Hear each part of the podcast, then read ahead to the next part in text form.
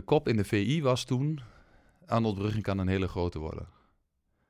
Dat is er zeg maar een soort moment voor mezelf geweest... dat ik dacht, oké, nu is het zeg maar serieus. Ja, ja, beste luisteraars, onze allereerste gast. En dat is niet de minste. We zijn ontzettend trots om deze man aan te kondigen in de podcast. Arnold Brugging. Tukker gestart bij Stevo, daarna door naar FC Twente en PSV en uiteindelijk gekomen in het grote oranje. Ooit zei hij in zijn jonge jaren nee tegen Louis van Gaal en de cirkel kwam rond omdat hij later in het grote oranje debuteerde onder, jawel, Louis van Gaal.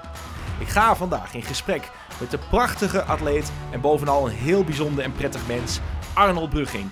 Laat je inspireren door zijn hele mooie verhalen, maar vooral ook zeker door zijn hele wijze lessen waar je echt wat mee kan. Ik wens je heel veel luisterplezier bij deze nieuwe podcast. Arnold, leuk dat je er bent. Welkom in de podcast. Ja, leuk om hier te zijn. Yes, dankjewel. Arnold, naast het hebben van heel veel talent, je beschikt ongetwijfeld over heel veel talent, wat maakte jou nou als voetballer zo goed? Ehm, nou, eh, het, het begint al ten eerste wel als eh, ehm, dat je gezien moet worden. Daar, daar begint het wel mee. Dus de, eerste is, eh, voetbal vond ik het allerleukste wat was. Ik kom uit Geesteren. Ja. Overijssel moet ik even bij zeggen, dus hier vlakbij, vlakbij Almelo. Um, nou, best wel beschermd, een kleine gemeenschap, voetbalde bij Stevo. Het hartstikke leuk was. Nou dan, ik ging voetballen en ik vond niks, niets leuker dan voetballen. Dus dat is ten eerste wat je hebt. En dan als je hoort dat, je, dat mensen je goed vinden en dat je het leuk vindt en dat je... Wanneer hoorde je dat voor het eerst, dat mensen je goed vonden? Kun je dat nog herinneren? Nou, was dat op de club of was dat thuis vanuit familie, vrienden of vanuit mm. ouders? Of wanneer nee, hoorde je dat je goed was? Nee, wel echt bij Stevo. Mm omdat je gewoon merkte, in een, toen heette het nog de F'jes, dat je ging voetballen en dat je dacht, ah ja, ik ben eigenlijk wel iets beter dan anderen. Ik had er nog wel een aantal, zoals altijd in elk teampje zitten, uh, zeker als je jong bent, zitten een aantal die zeg maar, het verschil maken. En ik hoorde wel bij de jongens die het verschil maakten. En ik was relatief groot voor mijn leeftijd. Dus dat hielp ook heel erg mee, zeker als je, als je dan jong bent. Dus ik ging ook wel snel uh, hoger spelen. Oh, je bedoelt met groot, je bent lang qua in lengte? Nou, nee, ik of, was... Uh, of sterk? Of, ja, ik was... nou, ik ben niet heel lang, nee, ik ben 1,85. 1,85. Maar um, ik was wel op jonge leeftijd al redelijk groot. Ah, oké, dus je was al wat sneller. Dus fysiek, ja, dan ja. ben je fysiek ook wat sterker dan de, heel veel anderen. Nou, dat helpt, dat helpt dan heel erg mee. Maar dan ga je ook snel uh, door in de in leeftijdsgroepen. Omdat ze zeggen, oké, okay, Arnold kan wel, oké, hij moet meer uitgedaagd worden. Dan gaat hij een teampje hoger. Even naar de eetjes. Ja, naar eetjes. En zo ging dat eigenlijk uh, relatief snel uh, ging dat, ging dat door.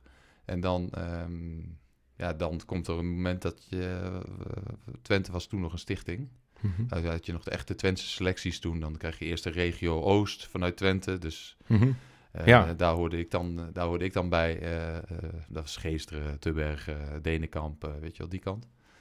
Um, nou, en zo rol je daar eigenlijk langzaam in. En, en hoe, was je, hoe, goed, hoe goed was je toen in de Twente selectie? Want toen kwam je, je zat bij Stevo, daar, weet je al, daar viel je al op, was je beter. Nou, toen ging je naar de Twentse selectie. Ja. En hoe goed was je toen in die Twentse selectie, in vergelijkbaar met de andere leeftijdsgenootjes? Uh, dat heb je zelf niet heel erg in de gaten. Ik, ik, ik mm -hmm. was een aanvaller altijd, dus ik was een spits of een, maar meestal net daarachter. Dus ik was zeg maar een aanvallende middenvelder. Dus dan scoor je veel, dan val je altijd al op. Um, maar ja, dan kreeg je op een gegeven moment kreeg ik een uitnodiging vanuit de KNVB. Dus dan kom je bij, uh, dan ga je het traject in dat je als zeg maar 13-jarige jongen van Stevo bij de KNVB terechtkomt waar jongens al speelden vanuit Ajax, PSV, um, uh, zeg maar alle Feyenoord, alles speelde, die jongens speelden allemaal al bij een club, bij een profclub. En ik speelde bij Stevo, dus ik had een opstelling, die zag je dan, bij de onder 13, Nederlands elftal onder 13, was zo'n selectietraject dus ook. Daar stond Boudewijn Zende PSV, Bjorn van der Bedoelen PSV, Noordin Woten Ajax. Adelbrugging Stevo. Adelbrugging Stevo. dat was wel... En Stevo voetbalde destijds niet. Uh... Nee, dat was gewoon dat je dacht van... Uh, en die jongens hebben ook vast wel... Dat je dacht, uh, ja. wat doet die jongen van Stevo eigenlijk hier? En dat was, dat was wel heel bijzonder. Maar dat was simpelweg omdat Twente toen nog geen jeugdopleiding had. Ja, de jeugd was de A1. En ik ging op mijn veertiende, en zeg maar de A1 is nu de onder 18. Mhm. Ehm, eh, ik ging op mijn veertiende spelen in de onder 18 van FC Twente.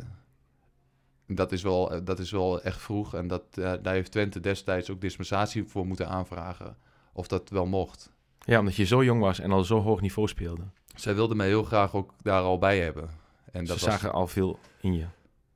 ja, Bleek niet voor niks, maar daar komen we zo op. ja, nee, maar dat is wel. tijd, zeg maar, daar, ga ja. je, daar ga je, kom je dan in. Mhm. En ja, dat betekent ook dat je op je veertiende tegen, je, ja, tegen echt serieuze eh, jongens gaat spelen waarvan je denkt, nou, Big die, guys. Die zijn, eh, die zijn iets groter dan ik ben. Dus dan moet je wel, dus dan moet je zeg maar, voetbaltechnisch of heel goed snel kunnen denken, of je moet heel snel kunnen handelen in ieder geval. Dus je moet je aan kunnen passen aan de situatie.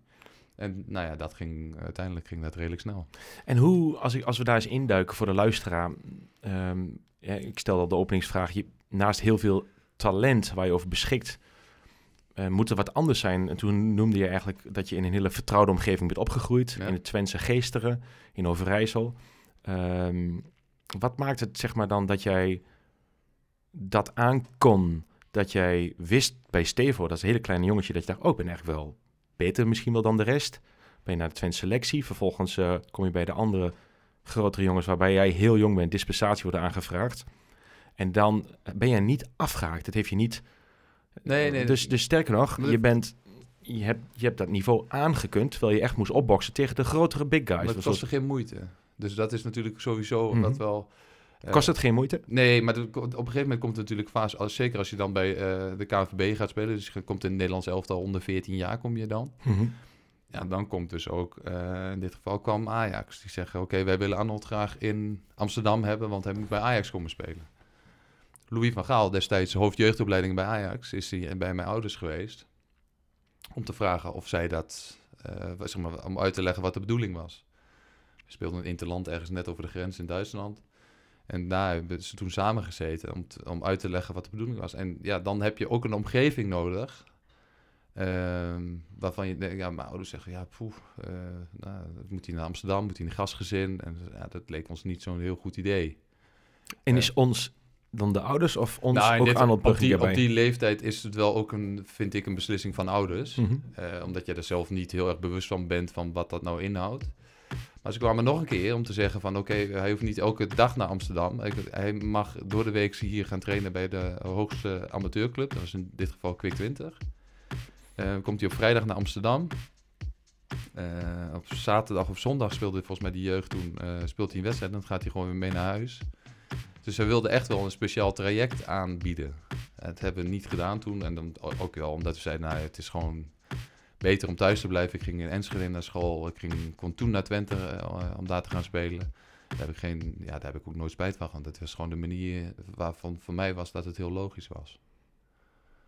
Ondanks dat de grote Ja, ja, dat- ja zeker. Ajax voorbij kwam. Ja, dat was voor mij ook geen... Dat was niet, eh, toen was dat ook... Ja, dat vind je dan leuk. Maar ja, je denkt ook van... Ach, zegt dat ook iets over jou dat je, eh, ik kan me zo voorstellen, als een heel klein jongetje van 14 jaar, nou ja, het zijn nog geen kleine jongens meer, het zijn al uh, jong volwassenen. Zeker als je eh, op die leeftijd voetbalt op dat niveau, word je volgens mij extra snel volwassen, dat, ja, dat zeker. toch? Ja, dat gaat snel. Precies. En dan kan ik me voorstellen dat zo'n eh, naam voor andere jongens misschien wel heel erg longt. Ehm, je merkt dat natuurlijk ook binnen, eh, ja, binnen de grotere wereld. eh, dat je soms komen er clubs voorbij van grote internationale Ja. allure. Ja. Er zijn een aantal spelers die gaan wel en een aantal spelers die zeggen ik moet nog verder rijpen, ik blijf nog even.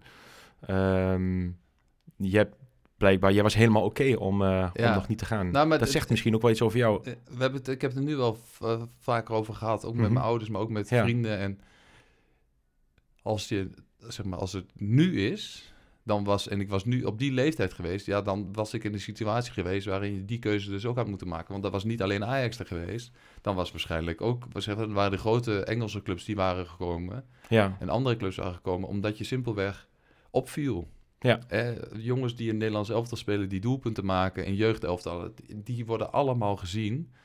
En dan, dan, dan is, is de verleiding gewoon aanwezig om te zeggen van Manchester City of Chelsea. Of, ja, die, eh, die, Mhm. en, die, en die bieden ook aan om te zeggen, oké, ouders mogen mee. En broertjes en zusjes mogen ook mee. En we zorgen gewoon voor huisvesting. Wat vind jij daarvan? Ehm, Want je hebt zelf ehm, ja, ik vind, een hele mooie weg gemaakt naar de top. Ehm, vanuit een vertrouwde omgeving. Hele mooie stappen gemaakt. En we zitten nog maar in het begin.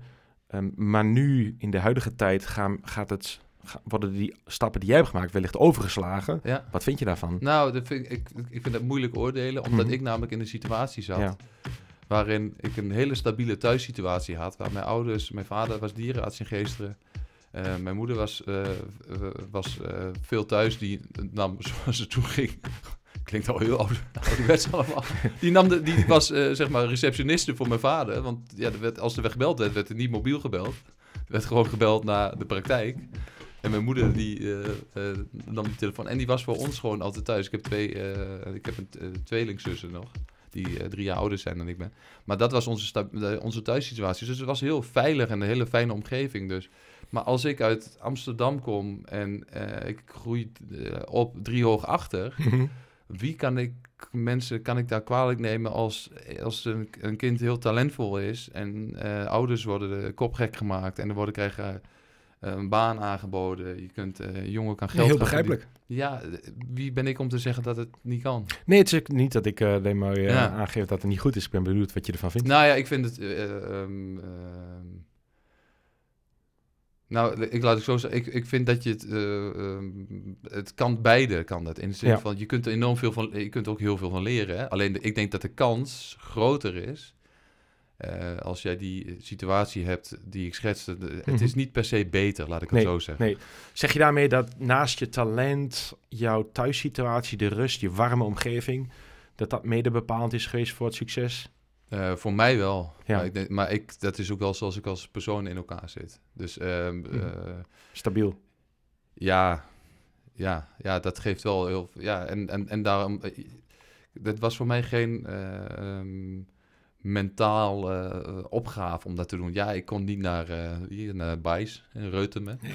ja, Ja. Ging, ik ging wel eens, maar niet veel. Nee. En omdat ik simpelweg eh, niet wilde of niet kon, of eh, omdat er andere dingen waren. Ik, ja, ik, en, en dat, maar dat was gewoon zoals het is. Ik kende het niet anders. Dus ik werd 's ochtends om kwart voor zeven opgehaald Ja, met de busjes. om met de busjes om in, naar school te gaan in Enschede. En dan Ja. moest ik om acht uur zijn. Maar als ik pech had, dan moest ik om kwart voor zeven. En dan werd ik om zeven uur. Dan moest ik eerst via Denenkamp. en dan moest ik de andere kant langs. En dan om de week deden we het zo op die manier.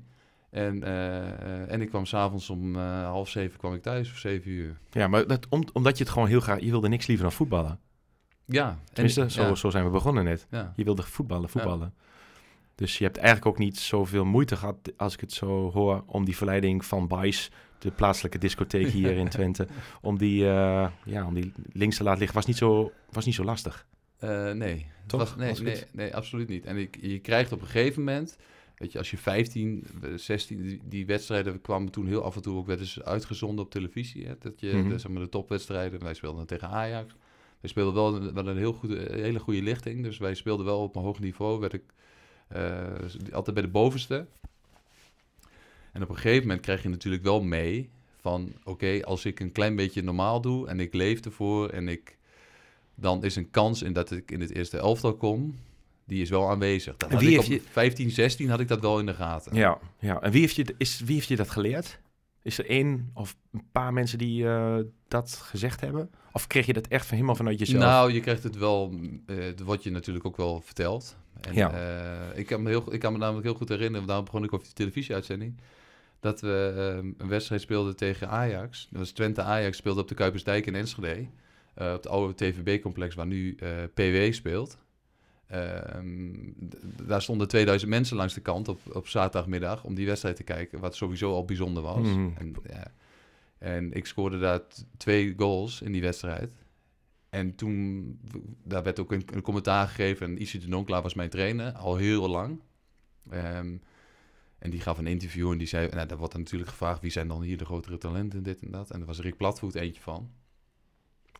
En ik was daar er eentje van. En dat, dan ga je ook voor het eerst echt beseffen... tenminste, dat was voor mij echt zo'n moment dat ik denk... ah ah ja, Ik ben wel goed. Nu hebben ze het er echt over. Ja, Oh ja, Arnold Bruggen kan echt een eh, eerste elftal speler worden. Dat was zoiets de, de tekst die eh, gezegd werd. Ja, toen was je ongeveer 15. Ja, dat was ik, ze- eh, toen 16. was ik wel 15, 16 denk Ja, ik. ja. Ja, ik speelde dus in de, on, zeg maar even nu in de, in de, in de onder 18. Maar wat, kun je nog herinneren wat, dat, wat er toen je opkwam? Eh, Nee, maar dat was gewoon... was, Dat, was, gaf ja. het je extra ja, Nee, het, het was, ja, het was meer dat... harder te trainen? Of, Nee, maar het, ging wel, het was meer dat ik dacht van... eh, eh, want mensen vroegen, ja, wat wil je eigenlijk worden? Toen dacht ik, ja, voetballen, want ik, ik wil niks anders dan dat. Ik had daar ook nooit over nagedacht. Dus het was ook altijd Ja. maar van... Ik kreeg op jongere leeftijd wel echt in dat, dat mensen ook om je heen dan gaan denken... Oh ja, Arnold, die kan, ja, oh ja, ik kan wel, als ik mijn best doe, word ik wel profvoetballer. Precies, je werd elke keer bevestigd in het beeld van andere mensen. En dat Ja. gaf jou eh, de bevestiging om... eh, Ja, en toen, eh, op mijn zestiende ben, heb ik ben ik gedebuteerd. Toen zat ik op school in Enschede op de scholengemeenschap Zuid. Ehm, en toen, ja, dat was, ik mocht met eerste meetrainen. Er waren twee spelers geblesseerd, Michael Mols en Prins Bolly. En toen zei Robaan tegen mij op zaterdag, Arnold, jij speelt morgen tegen Go Ahead Eagles thuis. Maar in de basis. En ik was 16. Toen dacht ik wel, oké, dan, eh, ja, dit is, het was zondag, ja, weet je, zondagmiddag Twente Go Eagles. Eh, was, dat, was wel, dat was wel serieus mannenvoetbal waar je dan even tussen moest gaan lopen. ja, ik voel dat zelfs nu al, als ik dat zo eh, probeer te visualiseren. En, ehm, en wat dacht jij toen? Kun je dat nog herinneren of niet? Ehm, Ik kan me nou, ik kan me heel eh, goed. Ja, nou ja, dit is, ik bedoel, het is 30 jaar geleden. 30 jaar geleden. Maar wat wel, wat ik me heel goed kan herinneren, is de commentaar op volgens mij van, eh, ik dacht even te Napel of Theo Rijs, maar destijds die commentaar gaf. Toen was Studio Sport, maar, de, de samenvatting. 7 uur, zondag. Dus Twente Go Ahead Eagles. En de- ik, ik had een paar acties in die wedstrijd waar ik nou, een beetje een kans kreeg, een schot. Dat, eh, dat echt werd gezegd van... eh Brugink, ja, die is dan eh, 16 jaar pas. Maar je merkt ook wel van... Ja, de, de kracht ontbreekt nog wel, weet je wel, zo. Van in zijn schoten. En, eh, en, en dat beeld werd een beetje eh, geschetst. Maar in dat jaar ging ik, in dat half jaar... ging ik daarna nog wel een paar keer eh, eh, spelen. Met name ingevallen. En toen begon ik ook te scoren. Ehm, ja, dus... En Twente wilde heel graag dat ik een profcontract kreeg. Maar mijn ouders hadden gezegd... hij moet eerst een school afmaken. En ik, zat, ik deed de MAVO... Ehm, maar ik moest mijn examen halen. En, Waar heb je gezeten, Caniches? Nee, ik zat op de scholengemeenschap Zuid Oh ja. in, in, in, in Ja. Enschede. Ik deed daar de MAVO. Alleen Twente wilde heel graag dat ik prof zou worden. Dus, en maar mijn ouders hadden gezegd, ja, moet wel eens een papier... Hij moet in ieder geval eentje, hij moet, Ja. dat moet hij afmaken. En ik, ik, zei, ik heb altijd gezegd, van, volgens mij heeft eh, Twente samen met, eh, met Zuid... een- een- die, werkt, die werkt al samen. dat ze zeiden van, nou, wat er ook gebeurt, maar Brugge moet wel slagen. Want dan kan hij in ieder geval bij ons komen. Ja. En eh, dus, ehm, nou ja, ja, en toen ja, werd ik zeg maar 17, had ik mijn contract getekend. Toen werd ik voetprof. Dus toen, en ik heb mijn MAVO gehaald. En eh, ja, ja, daarop kon ik, eh, kon ik eh, zeg maar, gaan beginnen. Er zijn een aantal, je zei net al dat een aantal, ehm, dat je een hele talentvolle lichting zat. In, je hebt al wat namen laten vallen.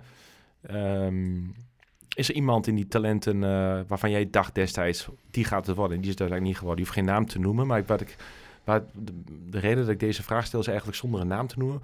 Maar dat er een voetballer was van jouw lichting waar jij vandaag van, wow, hij is zo goed. Die gaat er komen en die is er niet gekomen. En kun je verklaren waarom die persoon er niet is gekomen? De, de Nou naam ja, is de niet zo naam- interessant, nou, de- mag wel, maar het hoeft niet ik heb per de se. naam genoemd, Rick Platvoet. Ja. Want dat is namelijk ook geen, dat is ook niet iets, eh, want Rick heeft namelijk wel eh ook betaald voetbal gehaald. Zeker, hij heeft toch ook bij Heracles voetbald? Ja, onder zeker. andere. Onder andere bij Herakles en bij Twente ook in het eerste. Mhm. En, ehm, maar een van de dingen, hij stond voor, zeg maar, hij was de spits. Ik Ja. stond daar net achter. Hij werd gezien als het allergrootste talent. Hmm. En hij, dat, die televisieuitzending werd namelijk gezegd door diezelfde trainer. ehm, Rick, van, Rick Platvoet kan de nieuwe Marco van Basten worden. Wie zijn het? Baan. Is het toen ook klaar? Dat. En toen dacht ik bij mezelf, eh, ja, daar kom je dan ook later pas achter. Hè? Die druk, hè? als je Mhm. dat op die leeftijd eh, he- hebt. Ik werk dus nu voor ESPN, voor tv. Dat, ik ga nooit mensen vergelijken met anderen. Dat is echt... Want de druk die je iemand meegeeft, dan, dat is... Weet je, de lat was, de verwachting was van Rick... dat hij net zo goed zou worden als Marco van Basten. Dat kan niet. Nee. Dat is, dat is niet te doen voor als jij 17 bent of 18. Want iedereen krijgt, of tenminste, toen moet je nagaan hoe dat toen was en hoe dat nu zou zijn. Hmm. Iedereen kreeg dat, kreeg dat toen ook al mee. Dus oh, oh, die plaf, dat is echt een hele goede. Daar gaan we op letten. Ja. Oh, nou, dat valt eigenlijk wel mee, weet je wel. Dat is, Hm. daar kun je, daar, eh, dat is, ja, dus, ik heb dat altijd heel erg ervaren voor Rick als iets vervelends. Ehm, maar niet per se dat het bewust werd gezegd of zo. Hè. Dat, Nee. dat, dat, dat wordt gewoon en, en voor mij was dat eh, in zoverre prettig, want de focus lag heel erg op hem en niet op mij. Maar tegelijkertijd in jouw jonge jaren, toen je nog bij Stevo zat en in de Twente selectie, zei je ook tegen mij zojuist dat heel veel mensen in jouw omgeving jou ook bestempelden als Ja, maar dat is, maar dat is niet op dat niveau. helder. De helder. Oké, dus ja goed. Ik probeer even te zoeken bij, van mij waar... kwam het daan- bij mij kwam het daarna pas dat ik dacht, oké, mhm. Ik ging spelen in het, in het eerste. Ik was, eh, nou, ik tekende een contract. Ik was 17, 18. eh, en toen kwamen natuurlijk wel ook andere clubs al om te zeggen: oké, wij willen Brugge wel graag hebben. En wat een beetje zo'n eh, eh, key moment was. ehm, wij speelden Twente Ajax. En Ajax was toen de Champions League ploeg. In het Diekman in Enschede. En wij speelden 2-2. En in die wedstrijd speelde ik, heel, speelde ik goed. Ik scoorde de 1-0 volgens mij in mijn hoofd. En eh, de kop in de VI was toen... Arnold Bruggen kan een hele grote worden. Dat is er zeg maar een soort moment voor mezelf geweest... dat ik dacht, oké, nu is het zeg maar serieus. Tot aan, tot, aan, al- tot, aan, tot aan die periode was voetbal gewoon... dat ik dacht, ah, het is leuk, Leuk. en ik ga lekker voetballen zondagmiddag. En eh, Mhm. ja, er komen eh, toen bij Twente 13.000 mensen kijken, of 14.000. Vol Diekman. Maar ja, ik dacht gewoon, want daar dacht je totaal niet over na. Een beetje onbevangen, zo ging je ook spelen. En de ene keer was het beter. En ik speelde natuurlijk wel relatief veel oudere, eh, oudere eh, zeg maar, eh, volwassen mannen. Die kinderen hadden. En ik was gewoon een broekje die daartussen liep. En, eh, en eh, keek en ik luisterde. En eh, ik zag eh, eigenlijk een beetje wat er gebeurde. Maar vanaf dat moment, dus dat die tekst in de VI stond... kwam ik wel later echt achter dat ik dacht... oké, dat is wel een moment geweest waarvan ik dacht... oké, nu gaan de mensen op mij letten... En nu wordt er gewoon iets verwacht, want er stond in Arnold Brugge kan international worden. Die moet... Dus die lat was, lag bij mij toen ook heel hoog. En toen was ik 19. En dat was wel veel. Mhm. Dat ik daar toen... ja, dan word je zeg maar... eh, ben je, eh, mm, nou, dan ben je nog heel talentvol, maar dan wordt er gewoon meer verwacht. Ja. Nou, uiteindelijk, je, bent, eh, je hebt dat goed opgepakt, want je hebt daarna, we zitten nu op een 19-jarige leeftijd, maar je hebt daarna nog hele mooie stappen gemaakt. Uiteindelijk ook tot international, Eh, maar bovenal ook binnen andere clubs. Wat ehm, heb je op dat moment toen je 19 was, voor zover je dat nog kan herinneren, heb je nog echt tegenslagen gehad waar je doorheen bent geworsteld? Of was het vooral heel erg nog freewheelen speeltijd? Leuk. Ja, het was Ja. wel leuk. En wanneer, wanneer kwam je eerste tegenslag dat je dacht, oké, hè, want, want om de top te bereiken die je bereikt hebt, Hm. moet je ook tegenslagen ehm, Eh, verwerken. eh, ja, maar ik, qua zeg maar bl- blessure eh, technisch... Is kan ook mentaal zijn. Ja, nou, nou mentaal gezien. ehm, maar dat is wel om. Daar kwam ik wel later achter. Daar kom ik, zo- dan, daar kom ik zo meteen op terug. Maar het was namelijk zo in die periode. Mhm. ik, ging van, ik was 19, ik ging naar PSV. Ik kon naar Ajax, PSV en naar Feyenoord. Ehm, ik koos voor PSV omdat eh, ik had een gesprek met eh, Ajax gehad. Tussen mijn zaakwaarnemer. Ehm, f- met Feyenoord gehad, met Ariaan destijds in de Wiemsel in Oudmassum. En we kwamen bij PSV en Harry van Rij en Frank Arnees, waren daar toen. En ehm, ja, dat was relaxed, ontspannen, die wilden mij graag hebben. Ehm, dat voelde voor mij heel erg goed. Je was daar niet zelf bij, maar was je zaakwaarnemer. Ja, wel bij, die, bij het gesprek met Arnees en met, met Van Rij wel. En dat voelde heel goed, want dat was... ehm, Mensen, mensen. ja, ja, en die snapten wel hoe- ze mij moesten benaderen. Ja, als een tukker. En dat, dat, dus toen ging ik op mijn 19 ben ik naar Eindhoven gegaan. En ehm, alleen dan kom je ook in een, eh, dan, ja, dan kom je in een andere wereld. Ik ging, voor mezelf, ging op mezelf wonen. En dan kom je wel ook in een periode waarin de mensen eh, v- nou, dingen van je verwachten. Eerste jaar nog niet per se, maar daarna wel. En ik was mij heel erg aan het verdedigen op het moment dat ik op de wedstrijd op de bank zat. Ehm, ja, dan werd al Kief, eh, Kief schreef in zijn column. eh, ja, dit moet een seizoen worden voor Arnold Brugging. Tegenover wie was je aan het verdedigen? Tegenover mezelf. Ah ja, oké. Eh, ja, ik speelde zeg maar, zeg maar, een seizoen de 34 wedstrijden. Nou, we speelden Champions League toen, PSV elke keer. Eh, maar zeg maar, in de competitiewedstrijden speelde je dan 26 of zo. Met invalbeurten en alles erop en eraan. Dus dan scoorde ik eh 10 keer of zo. En eh 8 assists, zoiets.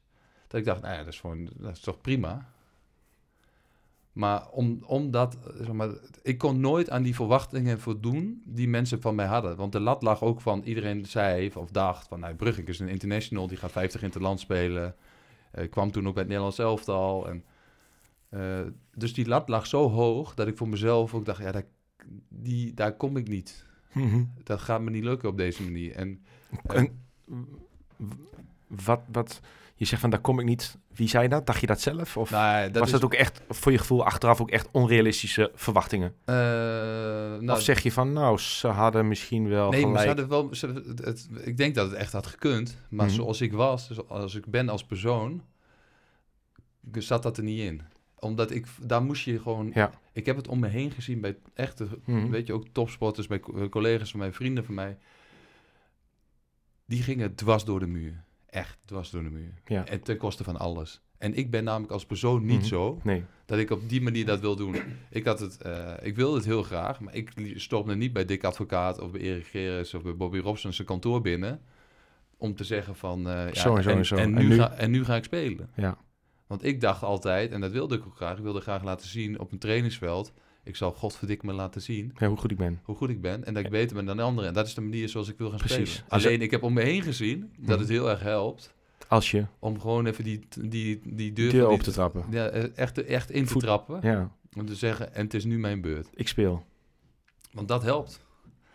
En want daar is iedereen gevoelig voor. En zeker als je, eh, eh, als je trainer bent. Want die denken wel eerder... Nou, ah, ik kan beter Brugge eruit halen. Want die, eh, die, trapt houdt niet zo.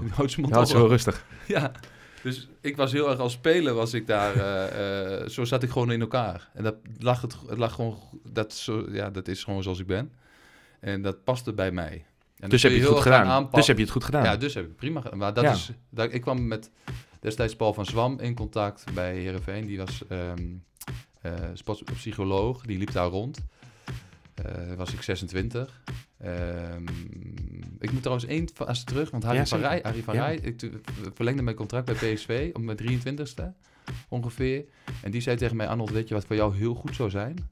Om eens met een sportpsycholoog te praten. En via hem ben je bij Paul terechtgekomen? Nee, want toen dacht ik, wat een onzin. Ah ja. Ik denk, als sportpsycholoog heb ik toch helemaal niet nodig, man. Dat was toen al helemaal een taboe, hè? ja. Maar was je te nuchter voor? Of... Ja, dat, dat, weet je, dat hou je ook een beetje af van, hè, wat moet hij nou... Mhm. Maar had ik dat maar gedaan. Had ik maar naar eh, destijds de voorzitter Harry van Rij geluisterd, want hij, hij had gelijk. Alleen ik kwam daar dus drie jaar later kwam ik daarmee in aanraking bij Heerenveen met Paul van Zwam. Eh, en dat heeft mij al die inzichten echt gegeven. Want er kom, je komt altijd zelf tot zo'n oplossing. Dat, je, dat, Paul echt tegen mij zei...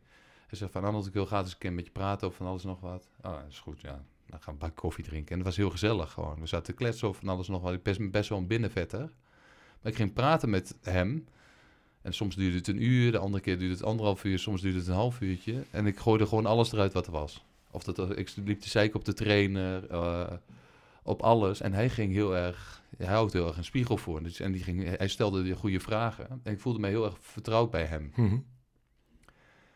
En uiteindelijk kwam ik tot een soort conclusie, wat bij mij echt het, kwartje viel, wat die zei van, oké Arnold, dan is het misschien niet zo als iedereen had verwacht. Het ging heel erg om het verwachtingspatroon, zeg maar, de omheen, de wereld om mij heen. Dat ik dacht, Ja. ik stel mensen teleur, want iedereen verwacht heel veel van mij. En hij heeft je daar een gerust gevoel in ge- Ja, of ja, geholpen door de juiste vragen stellen, waardoor jij dat...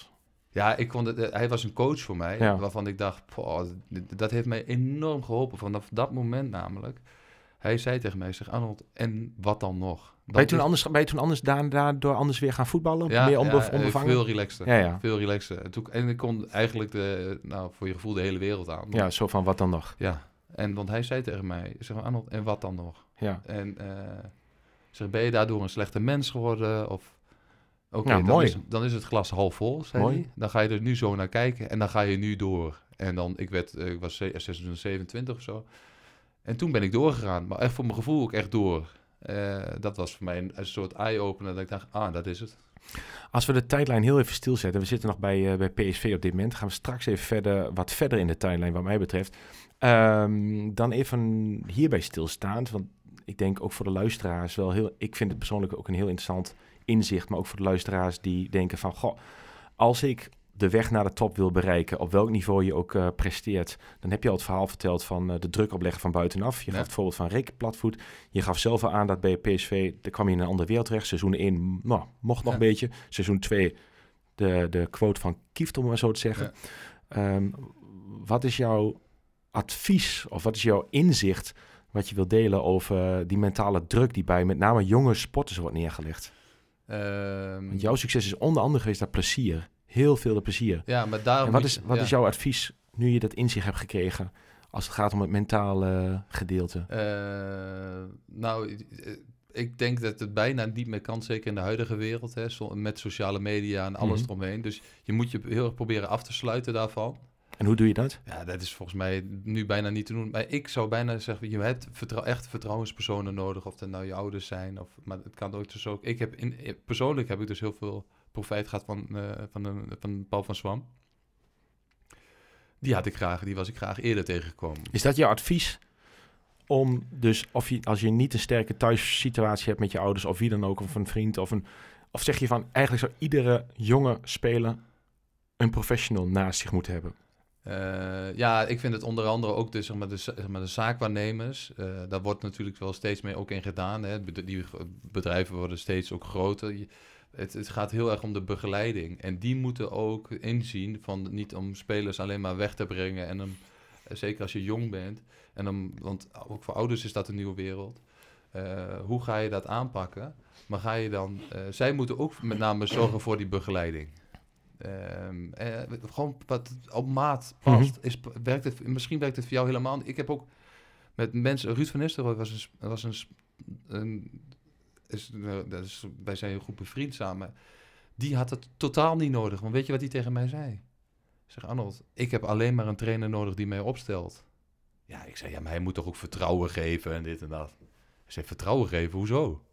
hij moet mij opstellen. Dat is het enige wat hij moet doen. Ik zei, nee, maar hij moet tegen mij ook wel een beetje het gevoel geven dat hij me ziet staan. En dat ik, daar voel ik mij wel prettiger bij. Daar snapt hij helemaal niks van. Nee, hoezo? nee. Maar om, om aan te geven, hij was zo in zijn gedachten. Dat zijn, de, dat zijn echt de, ex, zeg maar, de extreme topsporters. Denk ik. Uh, Sven Kramer, weet je, Van Nistelrooy, Max Verstappen.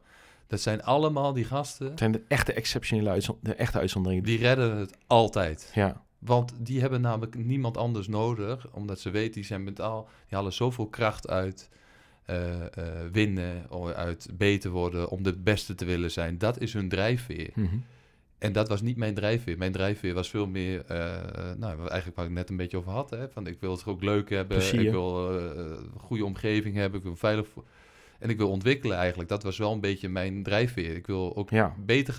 Ja, en, uh, en, dat is wel wat daarbij hoorde. Ik voelde bijvoorbeeld bij Guus Hiddink mij enorm gemaakt. Want dat is een trainer... Die dat soort onderdelen deed? Nou, die iedereen anders benaderde.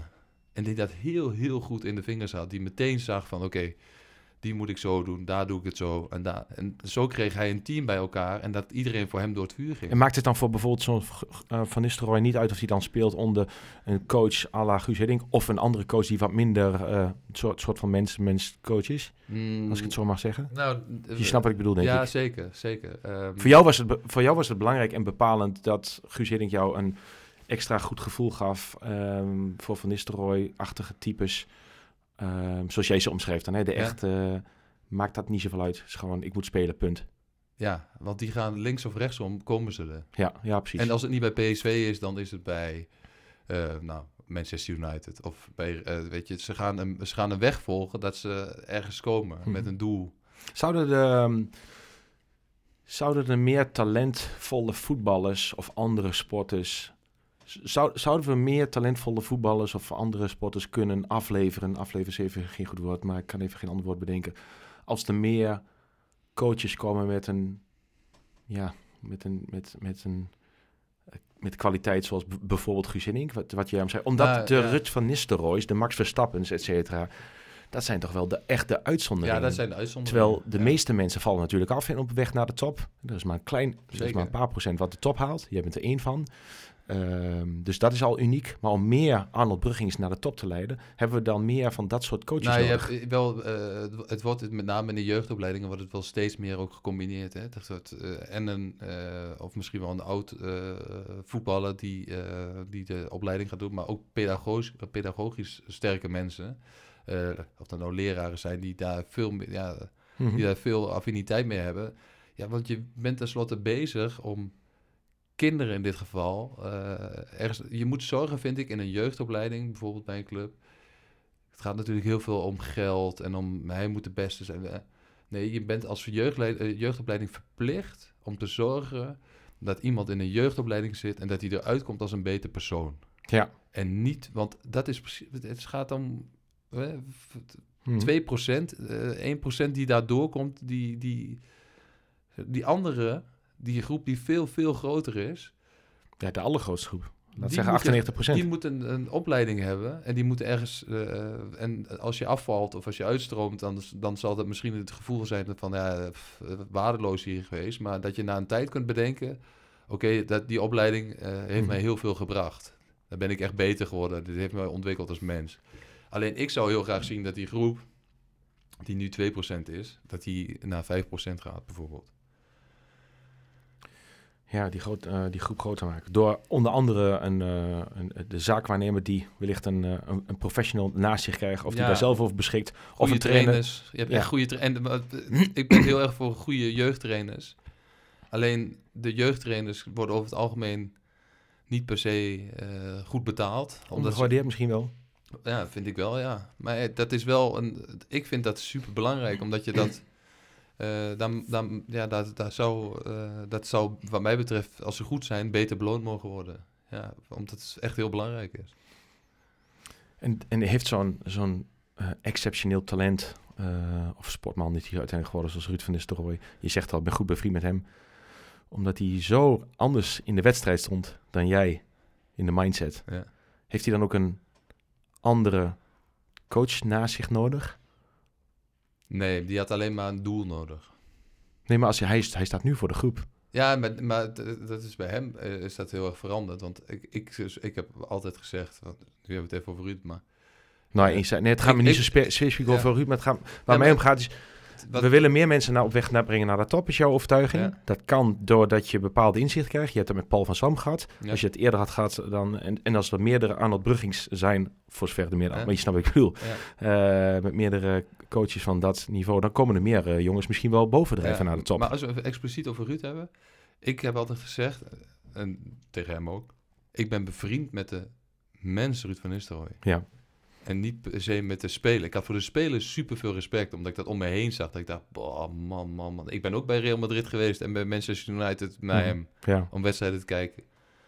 En, eh, maar hij is als trainer, is die veel meer zoals de mens, Ja. zeg maar zoals die als persoon is. mooi, En dat is wel daar waarom die denk ik ook een hele goede trainer wordt. mooi, ja. Ehm, negen- eh, we zitten nu eh, bij PSV, tweede jaar. En daarna, ja, ja, we gaan een stukje, we gaan weer even... eh, Ja, nee, Verder in de- eh, in de eh, tijdlijn. eh, eh, nou, ik, ik had het bij PSV ontzettend naar mijn zin. Want ik speelde eh, eh, zeg maar de top van Nederland. Speelde elk jaar speelde de Champions League toen. Werden drie keer kampioen. En, maar Hiddink was ook degene die tegen mij zei... Arnold, ik denk dat het goed is voor je om te, weg te gaan. Na zes jaar. En toen dacht ik wel, oké, en toen? En nu? Wat gaan we doen? En eh contract, eh, zei hij van, eh, en hij bracht het zo van, hij wilde eigenlijk, en dat had hij wel goed in de gaten hoor, je denkt. Ehm, hij we hadden een hele vaste groep jongens bij PSV. Dat was gezellig, we waren goed. Ehm, Steen goed. ja, maar we- hij wilde meer, zeg maar. De Champions League kwam er net niet door de winter, zeg maar. Net voor de winter gingen we er Mhm. vaak en haalden we het net niet. En hij wilde door. En dan moesten er een paar uit. Dat had hij wel bedacht, want hij zegt, dit, ga, dit is te eh, gezellig en te geze- gezellig ook buiten het veld. Hè? Want we hadden echt een leuke groep eh, gasten die wel echt wilden presteren en wilden winnen. Maar... En mij voelde dat goed aan. Dus toen ging die, eh, waaronder ik de één was, die zei dacht van, ja, Brugge, ik moet er ook tussenuit. Zo, en het was ook goed voor mij hoor. om daar tussenuit te gaan. Toen ben ik naar Mallorca gegaan een jaar. Ja. Ehm, relatief laat. Want hoe oud was je toen? Ik was transfervrij, maar ik was 26. Dus het Mhm. was ook pas voor mij in mijn beeld was dat ook... Dat ik dacht van, nou, dit past gewoon heel goed bij mijn carrière. Ik, eh, ik was er toen ook pas klaar voor. Nu gaan jongens op 21, 22 gaan ze naar het buitenland. Dat is ook een andere tijd, hè? Toch? Ja, en ik was er toen, dat dacht ik wel van, nou ja, dat gaan we gewoon doen. Het was wel spannend, maar we gaan het doen. Nou ja, dan kom je in één keer eh, in een elftal waarin Hmm. je denkt op Mallorca inderdaad, nou ja, de sp- die speelde, die spelen nu ook weer trouwens in de Primera Division. Ehm, dat je dacht van, ja, Mallorca, dat kli- klinkt toch goed, hè? Dat je denkt, nou, als je daar kunt gaan voetballen. ik denk ook niet dat er heel veel betere plekken zijn in Europa waar, Ja. je, waar je, als je dan toch ergens mag kiezen, ga je daar naartoe. Eh, en je denkt ook snel, ja, je kunt je met Engels eh, goed redden, bijvoorbeeld. Ja, ik kwam in een elftal waar niemand Engels sprak. En dan moet je gaan redden. Eh, dus dat was spannend. En eh Twente sprak niemand daar. Twens, Twens niemand. maar je gaat wel, maar je gaat wel, en dat is, ja, dat is wel, dat had ik voor geen goud willen missen, echt niet. Wat maakte dat, eh, wat was het goud? Wat, Ja, wat maakte dat zo ik vond het leuk om, zeg maar, dat je de, de hele Nederlandse manier van naar voetbal kijken eh, weghaalde. Dat ik Kan dacht, daar wel, die, die, Oh, die, dacht- speelsheid. zo kan het ook, dacht ik. Wat, is, wat was zo? Was dat die speelsheid of de onbevangenheid? Of, de, of wat was het? Ten eerste, die wilde alles winnen. Mhm. Dat vond ik een prachtige eigenschap. Maar wij hadden verdedigers, die konden er helemaal niets van. Echt, ik dacht echt, waar ben ik in beland? Maar die, weet je, die waren best wel snel. Die konden schoppen, die eh, konden koppen. En, eh, en die gaven de bal gewoon heel snel aan iemand anders. Maar die waren mentaal, die wilden echt, die, eh, die, die waren mentaal ijzersterk. En ehm we hadden, wij hadden Samuel Eto'o. Een van de Mm. beste spitsen. Ja. eh, Laat, eh, hij was toen 21 of 22. Wereldvoetballer toch geworden? Ja, zou zomaar, dat weet ik niet eens uit mijn hoofd. Maar hij was gewoon de koning van Mallorca. Dat was echt niet normaal. Hij kon Ik weet alles... trouwens ook niet eh, correctie of die wereldvoetballer van jaar is geworden. Maar Nee, goed. denk ik eerlijk gezegd niet. Maar eh, hij, hij, maar- wel bij de, hij is wel bij de, echt bij de beste Ja. spitsen ter wereld. Ja, hoorde hij toen. precies. En dat zeker de jaren daarna. Ja. En die hadden wij in ons elftal. Maar die had een soort privilege. Die woonde, had ook een huis in Frankrijk, in, in Parijs. Die ging op zondag na de wedstrijd. Nou ja, Mallorca kun je gewoon eh, naar, de, naar, de, naar het vliegveld toe, toch? Weet je, zoals Hmm, iedereen ja, naar, naar het nee, vliegveld precies. gaat. Ja. Dat is vlakbij. En dan ging hij onder politiebegeleiding. Hij was 22, hè? Of 21. Ging hij onder politiebegeleiding ging hij naar het vliegveld en dan vloog hij naar Parijs toe. En dan kwam hij op woensdag kwam hij weer terug. Maar wij hadden gewoon getraind op maandag of op dinsdag. Alleen Samuel was er nooit. Maar die kwam dan op woensdag kwam die weer terug. En dan ging hij gewoon weer meetrainen met elftal. Een superleuke jongen, hè? een hele sociale jongen. Maar omdat hij simpelweg wedstrijden besliste. ja. Ongekend goed. En eh, eh, ja, dat was wel mooi om mee te Wat maken. heb jij van hem geleerd? Nou, ik, hij, eh, hij sprak echt alleen maar Spaans. Maar hij, wat ik van, wat je echt, maar dat kon je zo van hem oppikken, dat hoef je alleen maar naar hem te kijken.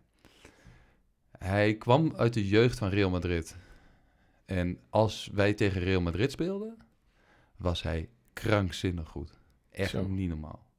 Echt, want eh, hij speelde heel vaak een wedstrijd tegen eh, zeg maar, Real Sociedad of zo. Dat, ja, dan liep hij een beetje rond en dan dacht hij van nou... pff. Maar toen, bedrijfs, bewijsdrang tegen Madrid? Dat hij dacht, kwam die, kwam die helemaal los? dan ging hij Dit ga ik laten zien. Ja, ja. en ik, eh, ik, had, ik moest natuurlijk die taal leren, wat hartstikke leuk was. En, ehm, en wij hadden premies afgesproken met... je kreeg je de helft van de tijd kreeg je je geld aan niet, hè. Dat was altijd, altijd gedonder. dus dat was, ook al, dat was sowieso ook bijzonder. Maar zij wilden juist, tegen Real Madrid konden wij een dubbele premie verdienen. Dat ik zei van ja, maar we kunnen hem beter inzetten tegen, weet ik veel, eh, maakt niet uit tegen wie, tegen Hm. Malaga of zo. Want ja, Dat is- de kans wat groter, lijkt mij. Ja. Nee, nee, en Samuel liep te pushen. Zegt, nee, in Real Madrid willen we dubbele premie krijgen. Oké, nou, ik denk, ja, dat zal allemaal wel, dat zal wel goed zijn, denk ik dan. Maar we speelden uit bij Madrid. Hè, van, ik dacht, nou, als we niet met 3-0 verliezen, 4-0. Ik denk, nou, wonnen met 1-4. Nee, toen scoorde drie keer. Die was zo krankzinnig goed, die wedstrijd. Dat ik dacht, dit, heb ik, dit bestaat gewoon niet. Wauw.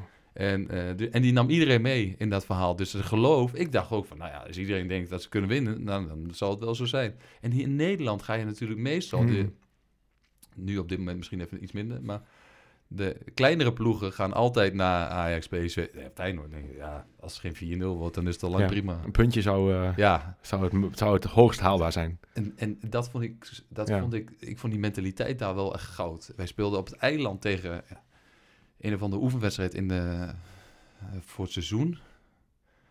Op kunstgras en eh, wonnen met 1-0. Echt, dat je dacht van, oh, vierde divisie, weet je, dat niveauverschil. Dat je Mhm. hier in Nederland, zeg maar, eredivisie zou spelen tegen een derde klas, tweede klasse, denk ik. We wonnen met 1-0. Dat je echt zo slecht. ik denk, nou gaan, we, nou gaan we het horen. Vol, in de kleedkamer. En de volgende dag, Mhm. niks. Nul. Dus ik vroeg aan die jongens, waarom is dit, is dit, oh, is dit oké? Of waarom? Zegt ze, Arnold, we hebben 1-0 gewonnen, toch? Ja, ik zeg, maar heb je gezien hoe we gespeeld hebben? Wat voor wedstrijd dat was? Boeide ze echt helemaal niks. Echt, dus alleen maar de uitslag. resultaat, Resultaat. resultaat halen. Ja. Dat vond ik mooi. Want het was ook echt niet dat je dacht van, het moet allemaal netjes en mooi. Of Nee. goed. Nou, eh, Leer, ja. ja, ik, Heel- dat vond, ik vond ik fantastisch. ja, mooi. Wat, wat, wat, wa- waarom vond je dat zo mooi? Omdat het gewoon, mijn ogen gingen open. Dat ik dacht van, oké, in Nederland moet alles maar eh, op die nette manier. En we moeten netjes daar naartoe en daar naartoe. En, hè? Dus er bestaat gewoon een hele andere manier Mhm. waar het ook kan. En de beleving van voetbal. Ik vergeet nooit meer, dus ik, wij speelden Real Madrid s'avonds om 10 uur de Supercup. Dat was de eerste wedstrijd van mij, officiële wedstrijd in Spanje. Real Mallorca, wij hadden, zeg maar, het jaar daarvoor hadden ze de beker gewonnen. En Real Madrid was kampioen, dus toen speel je Supercup tegen elkaar. Ging over twee wedstrijden. En, maar we speelden pas om, eh, volgens mij om 9 uur, ik denk 9 uur. Maar smiddags om 2 uur gingen wij eten. En ik was gewend in Nederland drie uur voor de wedstrijd eet je. Mhm. Maar hier, we gingen om twee uur eten. En er was een salades, toen kwamen ze en dan die gooiden ze, dan zat je met z'n allen aan tafel. Dan Eén iemand maakte die salade van de spelers. Dus alles kwam op tafel, en er werd in die, in die bak gemikt en dan eh, werd er een beetje gehusteld en ging iedereen erin prik. Iedereen at uit, uit die grote schaal. Toen kwam de spaghetti, wat ik kende. Dat ik dacht, oh spaghetti, nou, neem wel een beetje spaghetti. Daarna kwam ook nog eens een keer een biefstuk. Ik dacht, pff, ik, wil niet, ik hoef niet geen biefstuk nog eens een keer erbij. Dus ik dacht, ja, dat hoef ik allemaal niet. Maar ik had er voor de rest ook nergens naar gevraagd of zo. Ik denk, nou, het, Kan gewoon. ik denk, het zal wel zo zijn allemaal. Maar dus, en daarna gingen we rusten en zo. En toen dacht ik, nou, om zes uur of weet je, we gaan nog een keer. eh, Dus er zal nog wel iets te eten zijn. Toen kwam er dus niks. Ja, koffie met koekjes of zo, weet je wel, zoiets was het. dat ik zei, eh, wordt er niet meer gegeten? Eh, nee, we hebben vanmiddag toch gegeten. Ook zeg, daarom hebben jullie zoveel gegeten. ja, nee, daarom eten we altijd zoveel. Oké. Dat ik dacht, oh, oh, wacht even. Ik moet nog wel even iets scoren nu. Wacht even.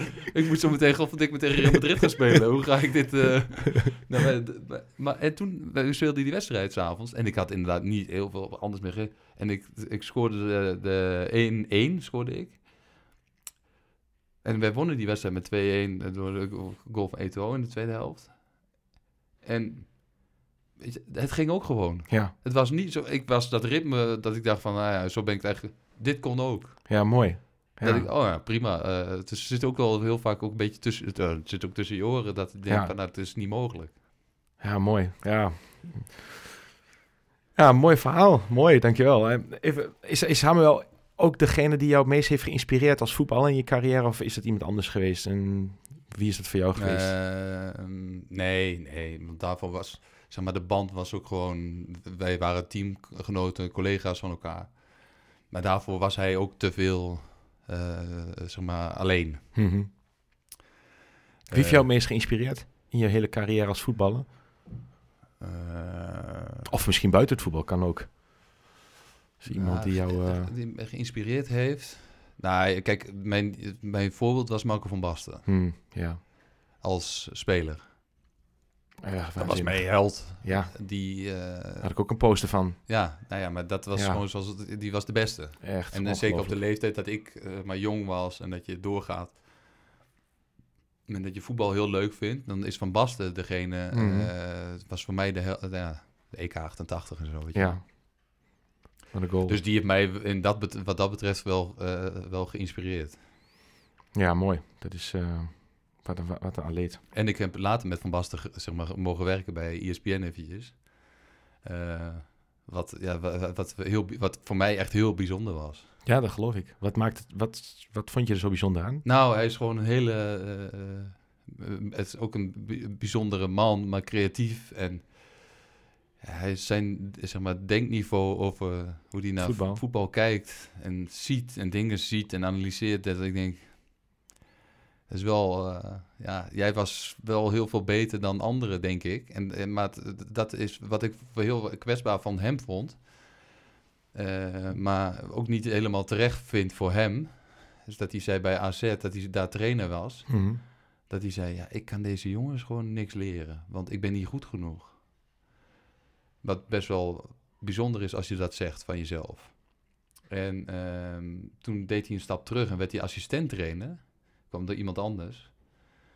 En dat hij, toen hij die trainingen zag en die, die dingen hoorde, toen dacht hij bij zichzelf, Ik moet, ik, nou, dit, eh, Dit kan ik ook dit wel. kan ik ook wel. en veel beter. ja, Maar hij. Hij, maar ook daar dus, hij legde de lat voor zichzelf zo Hmm. hoog, Mhm. dat hij dacht, ik kan deze jongens gewoon niet helpen. Maar onbewust, omdat het waarschijnlijk in zijn hoofd allemaal heel logisch is wat hij zei, heeft hij waarschijnlijk heel veel jongens ook geholpen en geïnspireerd. En eh, Ja, wat voor hem zo normaal is, is, ja, is voor een ander al ja, next, next, next, next level. ja, ja, dus ja, het is wel... Met welke speler heb je het meeste... eh, ehm, ja, wie, wie was jouw... Ik weet, toen ik vroeger... Ik weet niet of dat... Toen ik vroeger eh, televisie keek, was het eh, het 1-2'tje tussen eh, Bergkamp en Jonk. Ik weet nog Ja, altijd dat ik voor de televisie zat en keek ik s s'avonds Studio Sport en keek ik naar Bergkamp en Jonk in de Ajax-tijden. En dat was echt een duo, die voelden elkaar aan als de beste. Het is, is even wat mij nu te binnen schiet. Met wie heb jij, heb jij zo lekker gespeeld? Eh, nou, dat je dacht van, wel- ah, zijn er misschien wel een aantal, maar... zijn er wel een aantal. Ehm, achter mij kon ik heel goed spelen. Mark van Bommel, die kende ik heel, al heel lang ook. Ook vanaf die periode, onder 14, onder 15, al Nederlands teams en zo. Daar ken ik hem dan van. En we kwamen later bij PSV samen. Die voelde mij heel goed aan. En je hebt vaak met zeg maar, spelers die voetbaltechnisch snel kunnen denken. En eh, technisch zijn en op hoog niveau eh, spelen. Of, daar kon ik gewoon goed mee spelen. Ehm, omdat je dan namelijk net e- iets eerder op een eerder moment de bal krijgt. Daar ben je best wel afhankelijk van. Tenminste, Ja. ik was daar heel erg Ja. afhankelijk van. Van je, ja. Eh, ik kan met, eh, nou ja, met Van Nistelrooy kon ik heel goed. Maar dat had ook wel mee te maken dat we buiten het veld ook goed waren. Eh, ja, zo zijn er best wel veel spelers. Ik kon, ik in Duitsland, dat is de laatste periode, Mhm. Met eh, heel bijzonder Michael Tana, het was onze linksback. En wij hadden helemaal niet zo goed elftal. Die, en die had bij Bayern München en bij, toen bij Manchester City nog gespeeld. Die stond eh, ooit bij die beroemde wedstrijd bij die paal tegen Bayern München. Dat in die laatste seconde die bal in die Champions Mhm. League finale nog inging. Dat was Michael Tana. Die, eh, daar kon ik, had ik ook een hele goede klik mee. Omdat hij op eenzelfde soort niveau, hij had Mhm. hoger gespeeld. Hoor, Hij voelde je aan. ja, Wanneer je van, moest hem, van hem kreeg ik altijd... Ja. In Duitsland peerde dus ook heel vaak de bal gewoon weg. Maar hij kon altijd... Had voetbal technisch altijd een goede oplossing. En die, Ja. dat, ja, dat zijn dingen die altijd... Ja, die dan bijzonder zijn voor jezelf. Waarin je denkt, ah ja, dat, dat, dat, gaat goed. Ja.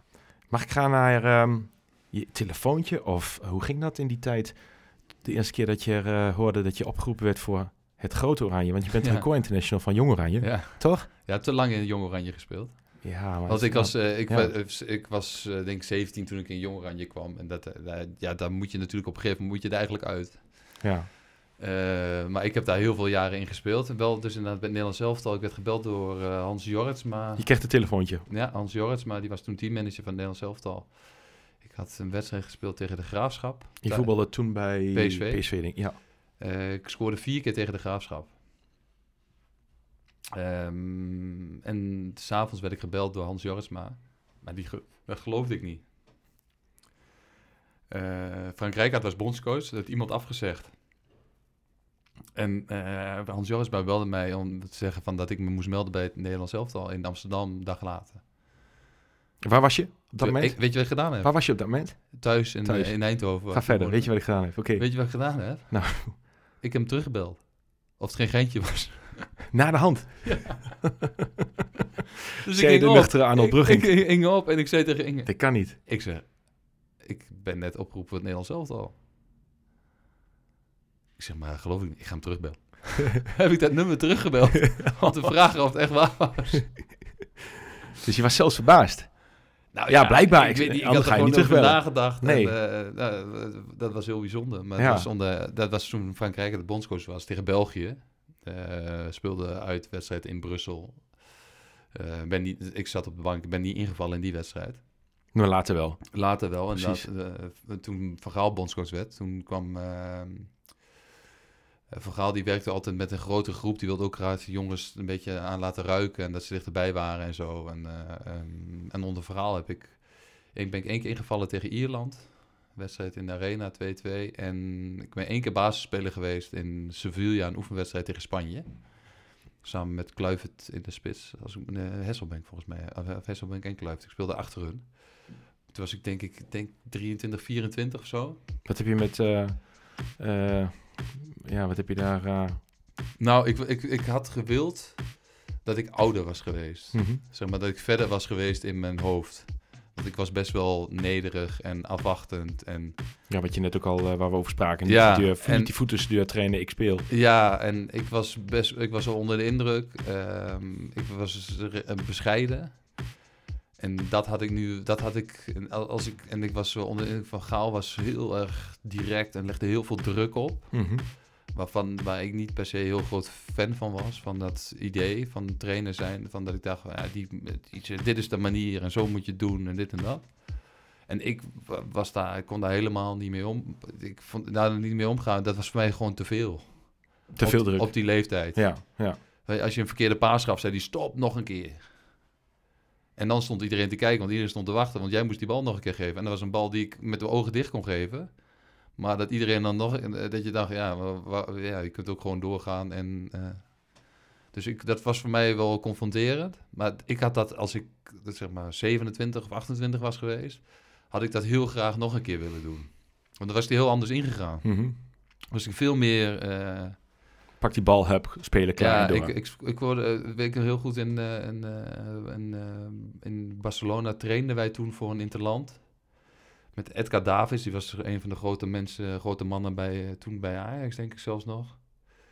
En ik maakte echt een hele mooie goal op de training, dat iedereen dacht, "Pff, jeetje mina, dit is technisch echt een hele goede goal. Binnenkant links, volley ergens in de bovenhoek. Dat Edgar Davis langs mij liep en zei, zo, dus je kunt, wel, je kunt echt wel voetballen. Zoiets zei hij. Iets in die trant zo van, nou, ik heb nog niks van je gezien, maar dit, oh, waar heb je? Als je dit kan. Dan, eh, Toen dacht ik wel, oké. eh, oh, ja, nou, ik vond het wel een mooi goal, maar nou, zo bijzonder was het nou ook niet. Maar toen, weet je, dan, eh, dat ik dacht, oké, hij heeft mij eigenlijk nog helemaal niet gezien. Hoe kan dat Mm. nou?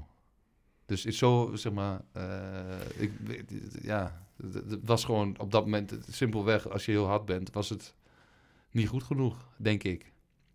En ik had me meer moeten laten gelden. Gewoon meer van, hup, geef mij die bal en ik zal het eens even laten zien. En dat had ik graag anders willen doen. Dus er zijn twee interlands geweest. Ik ben denk eh, al met al een keer of acht of zo ben ik mee geweest. Eh, dus ook heel veel periodes dat je, zeg maar, dat die soort stagespelers er ook bij had. Zat je dan op de tribune. Maar het was wel eh, enorm, zoals ik dat met alles vind. Het is gewoon enorm leerzaam. is het Nederlands elftal heel anders geweest qua vibe, speelstijl, leerervaring dan de clubs waar je zat? Is het echt anders of is het net Ja. als een van de clubs geweest? Nee, nee, nee. nee. Nederland zelf was een andere categorie. Dat geloof ik ook zeker. meer omdat het gewoon... ehm, ja, ook... eh, ik kende heel veel jongens, kende ik al wel. Omdat je altijd die dat nationale ja. elftal... eh, Je komt elkaar veel tegen. En, dus die... Ja, dat is prima. De jongens van PSV waren daar ook, met wie ik samen speelde. Ehm, maar het was wel, eh, wel hard. Ook tegen elkaar. Dus er was veel meer eh, concurrentie. En eh, ik vond Van Gaal hard. Eh was ook heftig voor mij toen. Ehm, of heftig, ja, heftig klinkt heel zwaar. Hè? Dus, eh, Mhm. maar het was wel, eh, wel eh, voor Pittig. mij pittig, ja. Voor een jongen uit Geesteren. Ehm, ja, maar het was wel ook wel weer mooi. Maar Van Gaal confronteerde, het was gewoon super direct, ook naar spelers toe. Hij, eh, iedereen moest een manier doen en dat zat hem in details. En hij kon ook zeggen, je hebt verkeerde sokken aan. Ik dacht van, hoe heeft hij nou gezien bij iemand anders dat hij verkeerde sokken aan heeft? Ik bedoel, iedereen heeft blauw, eh, Mhm. andere sokken, weet je wel, zulke dingen. Daar zat hij bovenop. Eh, ja, dat vond ik, en dat, dat was de manier voor hem om dat te doen. Maar dat vond ik dan heel mooi, bijvoorbeeld als je naar Spanje ging. Dan boeide het helemaal niemand. De ene kwam in korte broek, de andere kwam in lange broek. Eh, je moest gewoon vooral doen wat je zelf wilde. Als je maar samen één idee had hoe je het in een wedstrijd zou wil, willen gaan doen. Dus je mocht daar, maar daarbuiten, of je nou met die, je moest, club, je moest kleding aan hebben van de club, dat Mhm. was het. Maar of dat nou met die sok eh, omhoog was, of je kwam met je badslippers, of het, het boeide helemaal That's niemand. Televisie stond altijd aan bij het eten, dus altijd sport op. Of het nou MotoGP was, of tennis, of voetbal. Maakt niet uit. Stond altijd aan. Dus was een hele. eh, er werd eh, de avond voor de wedstrijd gerust een glaasje wijn gedronken eh, aan tafel. was echt geen enkel probleem. Heel relaxed. Waarvan ik dacht, oh, ja, dat vond ik, wel, dat vond ik wel bijzonder om dat te zien. Even een hele andere vraag. Waar, waar kun je ongelooflijk aan irriteren, eh Arnold? Eh poeh, waar ik me kan irriteren. Ik, snel, ik snap dat ik nu heel snel switch naar iets Nee, anders. maar, maar, ik. ja, on- mag voetbal gerelateerd zijn of in het leven? Nee, of- maar on- eh, onrecht heb ik heel veel moeite mee.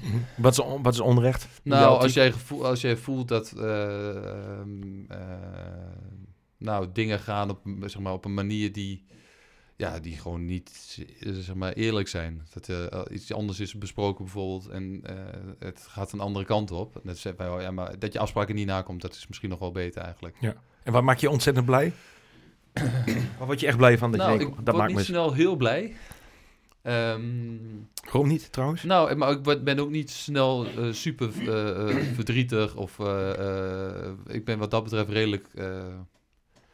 Eh, nou, ik word wel blij als ik eh, g- gewoon eh, mijn kinderen. eh, eh, als, ik die zie, als ik zie hoe ze ontwikkelen. En eh, als we gewoon thuis zijn of leuke dingen doen. En daar word ik wel blij van. Vakanties, Oké. reizen. En favoriete eh, droomreis? Heb je nog een droomreis? Of niet? Nou, ja, wel veel, ja. ja. Waar, waar zou je nog graag naartoe willen? Eh, nou, ik, ik, had, ik zou heel graag naar met- Canada willen, bijvoorbeeld. Ik zou heel graag naar Zuid-Afrika willen. Eh, dus zou wel, dan, maar dan zou ik echt eh, graag naar... eh, ehm, naar de, ik zou de Big Five dan graag willen zien, Ja. onder andere. Mooi. Ehm, nou, er zijn wel meer dingen die ik graag Voor de mensen die de Big Five niet kennen, Arnold?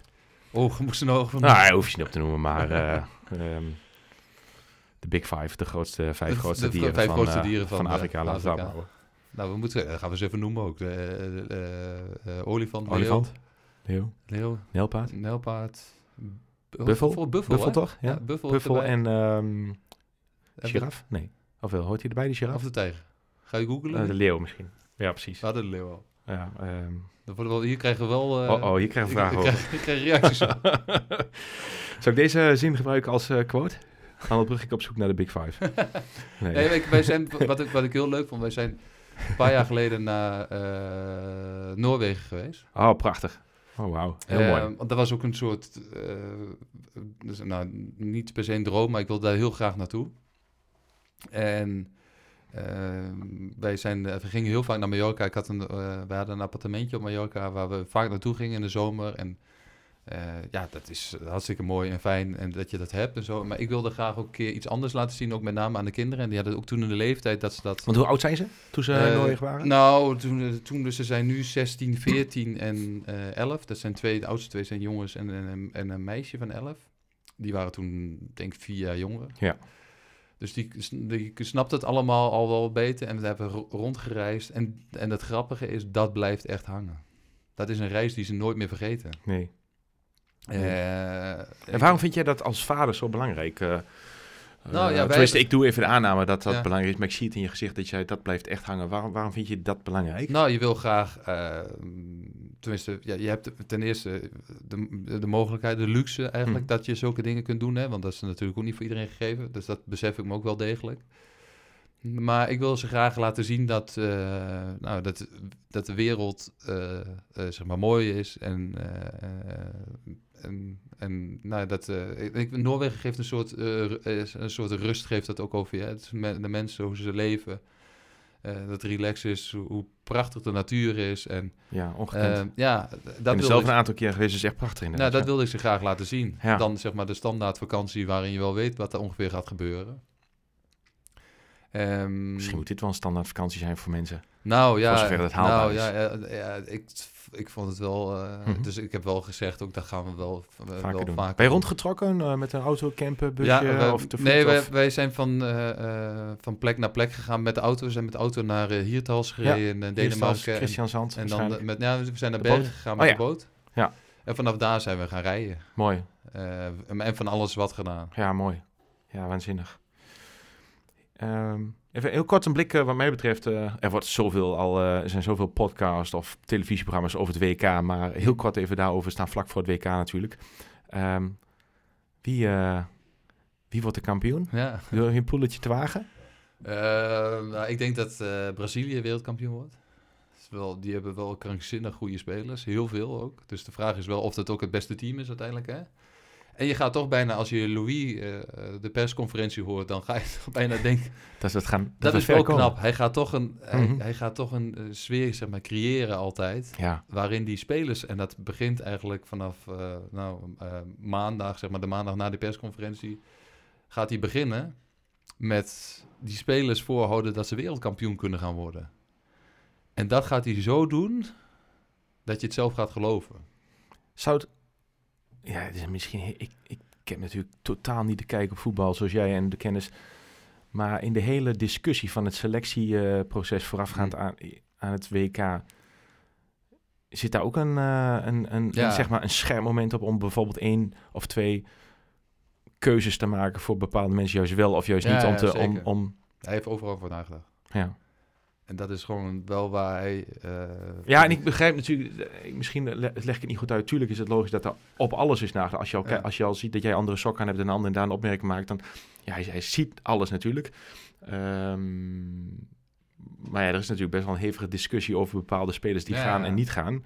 Eh, afgelopen weekend nog toch over de keeperselectie. ja, nee, dat is... maar is het, wat, wat ook, zou er ook keuze worden gemaakt om iedereen op scherp te zetten ten koste van iets? Zonder naam of zeg je van nee, ik kies, gewoon voor, ik kies gewoon voor degene die hij denkt, denk daar wel- kan ik wereldkampioen mee worden, punt. wel, ja. Mooi. En eh, de kansen van Nederland? Nou, wel, ja, wat ik zeg, Ja. ik denk dat Nederland, maar dat komt echt door Van Gaal. Mooi. Dat ik denk van ja, die, eh, die geeft je toch ook een gevoel dat er meer te halen valt en dat het, eh, dat het echt kan. Waarvan Ja, je denkt, nou, nou.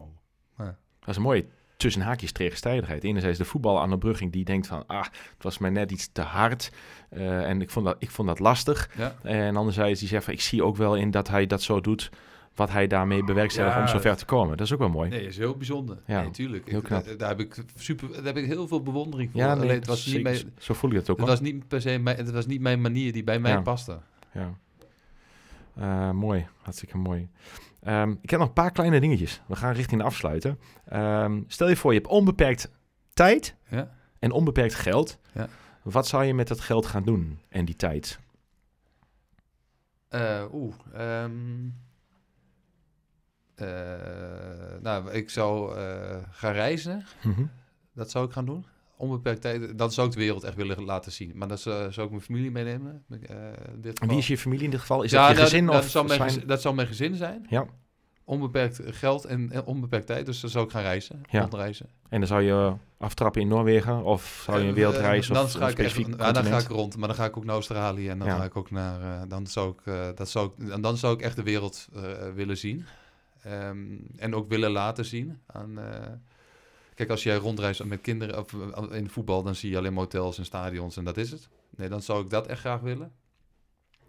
Ik zou eh, ook mijn de mensen om me heen eh, eh, dat willen eh, geven. Dus, maar dan moeten ze het wel zelf gaan doen, maar ik zou ze het geld Mhm. geven. Ja, en ik zou eh, ook veel geld weggeven. Ja.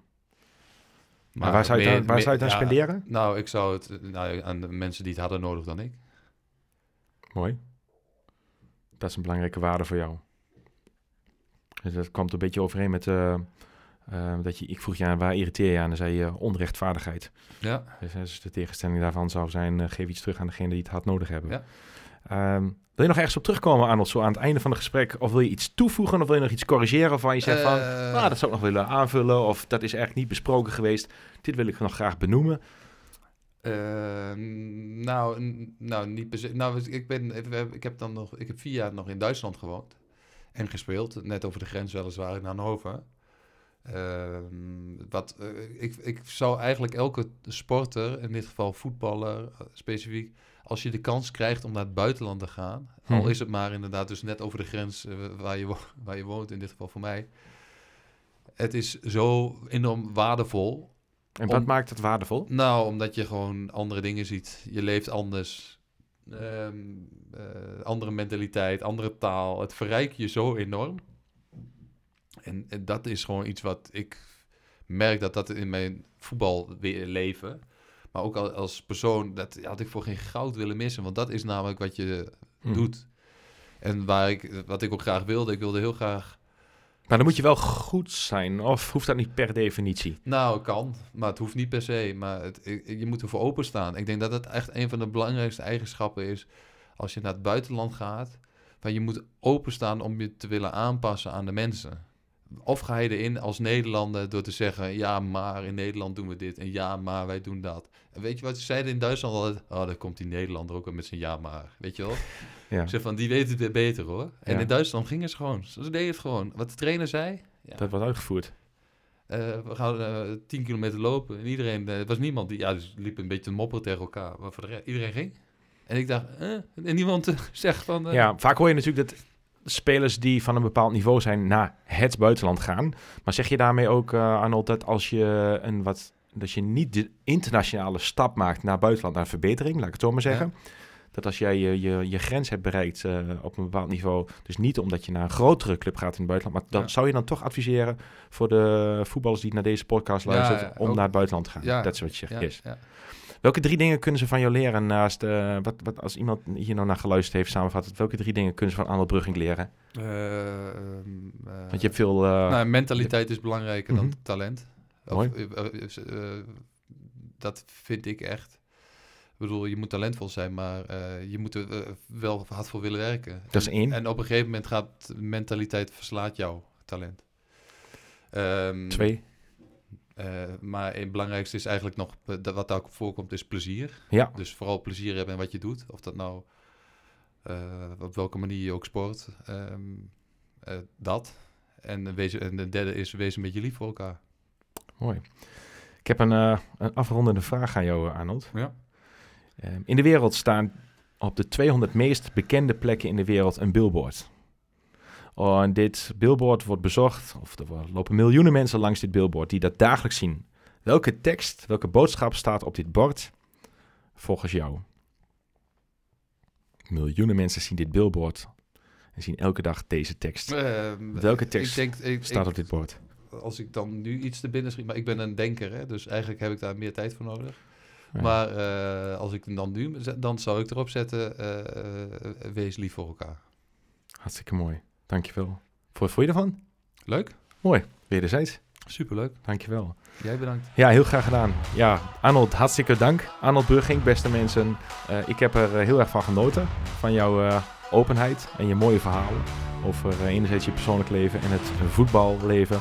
Eh Dank je wel daarvoor. Volgende week zitten we in de podcast met eh, ex-topatleet Gert-Jan Wassink. Eh 13 minuten en nog wat op de 5 kilometer. Ga er maar aan staan. Een ongelooflijke rappe tijd. Ook een eigenaar van Running Movements inspireert hij vele andere hardlopers. En wat zal ongetwijfeld ook een heel mooi gesprek gaan worden. Luisteraars bedankt. Tot de volgende. Arnold in het bijzonder bedankt. En een hele fijne dag verder allemaal. Tot ziens.